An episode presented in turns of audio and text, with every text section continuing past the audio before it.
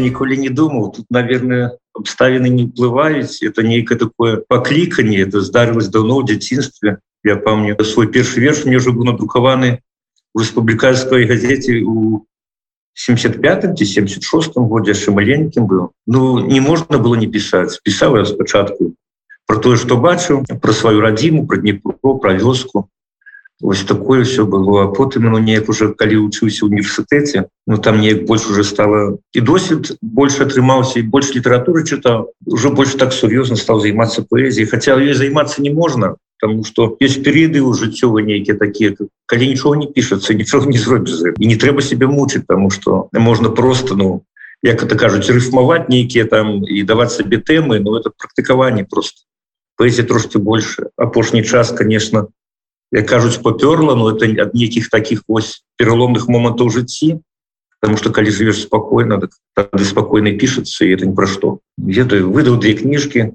хотя мог бы больше конечно. Не было часу этим займацца асабліва там что журналістыка забираешь шмат час звычайно калі працуеш і пишешь як журналіст то як кажуць на поэзію застаецца немало часу як-то мало ідэі натхнення потому что журналістская праца забирает шмат разумовай дзейнасці часам бывало верш такі удаваліся пісаць толькі ў недзелю вечарам калі два выходных напрыклад спакойны час журналіста а то недзелю вечарам нешта атрымлівалася в суботу там напрыклад пасярод тыдня это редко здаралось цяпер трошки больше атрымліваецца лічу что нормально что я пишу что гэтыя радкі камусьці трэба мне прыемна что калі я недзе публікую ну зараз напрыклад это сацыяльных сетках то мне падабаецца что іх чытаюць люди даюць добрыя ацэнкі і сярод звычайных чытачоў ёсць крытыкі паэты які ацэньваюць гэта і это дае ну яшчэ больш натхнення для того каб пісаць хотя паэзія Ну я не ведаю я напрыклад і мяне некалькі павяданняў ёсць но для іх трэба як кажуць больш часу потому что верш можна ці на вуліцы і ён у тебе у галаву рытмічна влезе прыбег запісаў там паправіў нешта радок другі ці слова якое другое атрымліваецца паэзія. А прозу трэба пісаць. Як цікалісці старыя наши прозайкі беларускія казалі трэба мець усідчавую задніцу. Прозы цяпер таксама спрабую нешта рабіць. Хочу выдаць яшчэ одну кнігу бо мне скоро будзе 60 гадоў. Хочу сабе сабе чытача маім зрабіць для падарунак. Вот зараз я про это думаю. Я думаю что на выйдзе. Для мяне то будзе як бы падарунак такі эмацыйны ну і такі псіхалагічны. Мова беларуская гэта натуральна з дзяцінства альбо ты у пэўны час свядома перайшоў на беларускую мову? Цяжка это поверыць но не верыць гэта тому что у меня была унікальная магчымасць я просто нарадзіўся у сям'і настаўнікаў. Ну маці не настаўніца бацька быў настаўнік у нас як бы ну ён ведаў добра беларускую мову мне дапамагаў там. Восьось і школа у нас была беларуская сапраўды не то что там на паперы все подручнікі беларускія я зараз з жахом вспоминаю 9 альбо 10 класс калі я поехал у рэчыцу з вёскі каб набыць подручнікі на расійскай мове. Навошта это рабіць тады так не было. І мова для мяне это род. Калі я поступіў пасля школы дзяржаўны універсітэт на беларускую і рускую філалогію то я вольно гаварыў на беларускай мове.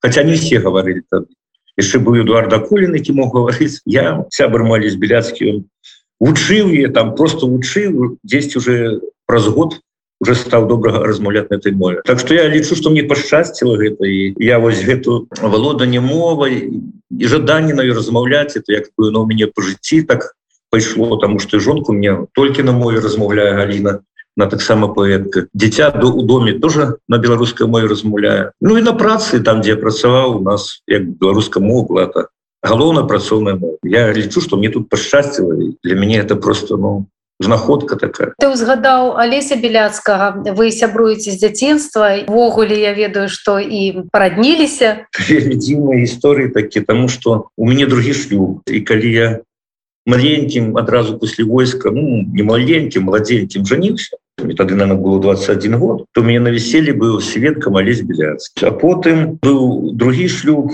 уже вот 16 год тому назад. И так здарило что олесь беляцкий зноў был свет. Один что мне сказал я уже третий раз на тебе светку по веселье не пойду против того так он тата хвост на моего моей дачки станислава. И так вот, мы часам сустракаемся ну не по працы сустракались а так просто з дзіцём з ім каб яны размаўлялі пагаварылі пагулялі ён вельмі добры тата хросны я ніколі не забываю что его есть хрестница станислава калі он першы раз на турме то яна ему писала паштоўки малявала сама и дасылала туда их и захавал так что с як бачыце яно все так цікава атрымалася хотя сяброство такое было ну перыядамі калі учились мы разом універсітэце это было одно. Потым ён пераехаў у мінск я жыў у омлі не спачатку я жыў настаўнічаў у жлобінскім раёне яны тады са сваёй будучай жонкай да нас прыязджалі на выходныя часткі у нас были лесы были грибы мы ходили по лесе нам было вельмі прыемна размаўлялі про всю беларуску потым были перыяды такие что мы бачились можа разу год хотя переписывались тады ж было модно переписываться не было мобильной сувязь паштоўки розныя там листы короткие переписка была. Потым уже як я переехал у мінск стало жыхарство то так здарылось что мы с беляцким практически не углубляли сувязь як так сталася что вы вось два таких сябра і абодва апынуліся у праваабарончай дзейнасці хто каго зацягнуў у алесе былі як кажу замашки праабаронцы еще студэнцкія гады.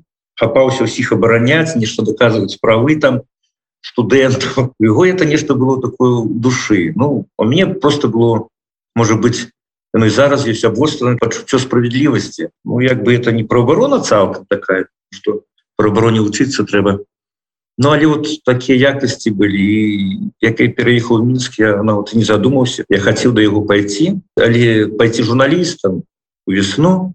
Оказалось что ведаў вельмі мало і доўга вучыўся доўга пасцігаў что такое правы чалавека якіх трэба абараняць як яны падзяляюцца. Вот это вот про брончую журналістыка на вельмі шмат дала былі такія рэчы ў жыцці які не могу спрыняць хотя это будзе таксама правы чалавек это прыйшло з часам теперь я все разумею так больш-менш расклалася по палічках Ну я в принципе задоволены что я потрапіў хотя весне хлеб не салодкі я так скажу не аднойчы былі і пераследы у нас і праца нервовая тому что мы сутыкаемся кожны дзень шмат чым да зусім амаль што негатыўным пазітыву вельмі мала. Трэба мужнасць конечно как працаваць там. Але за лесем было добра Слухай ну усе хто цябе добра блізка ведаюць ведаюць яшчэ один бок твоей асобы что ты вельмі добра разбіраешься у грыбах амаль что як спецыяліст то тебе нават кніга ёсць про грыбы так? Ёсць так. Яшчэ выдаць каб людям было цікава читаць тата мяне вазіў лесу грыбы хотя вот наш рэчыцкі раён он не такі славіцца моя вёска заспа там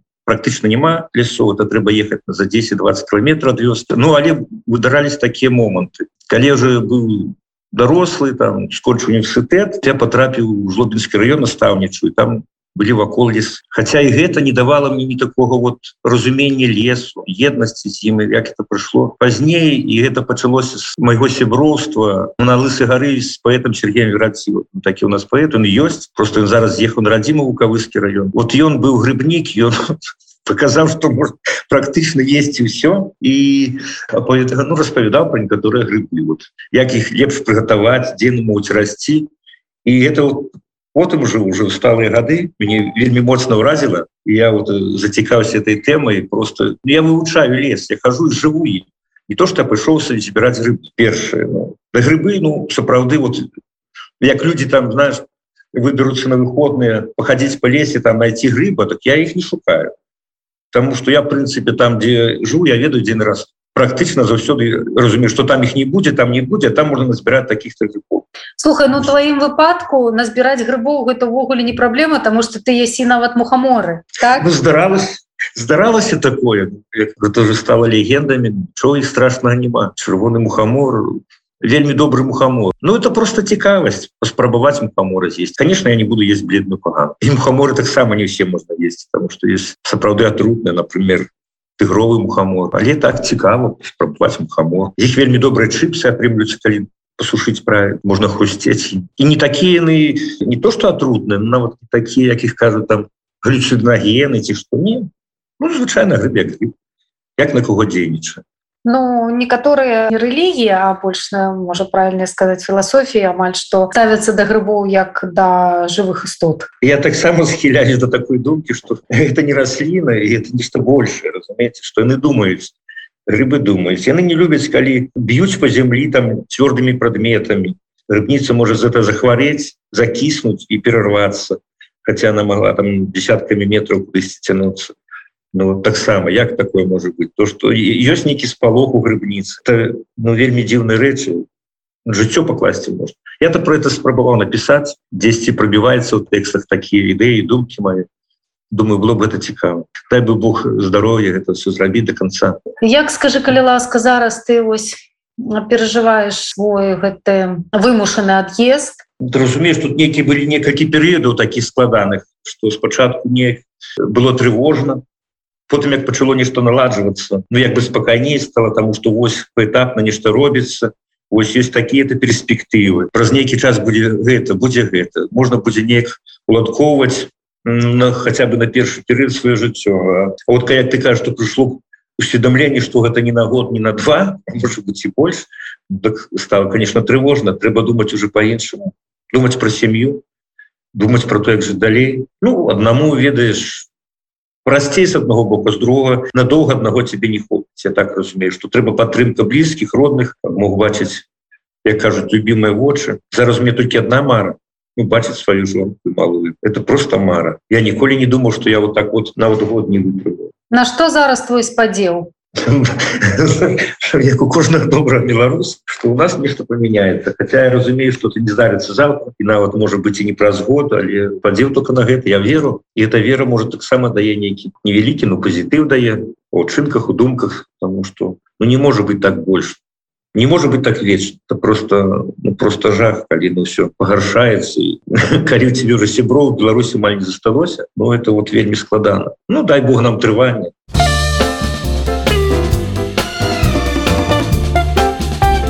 неверагодныя.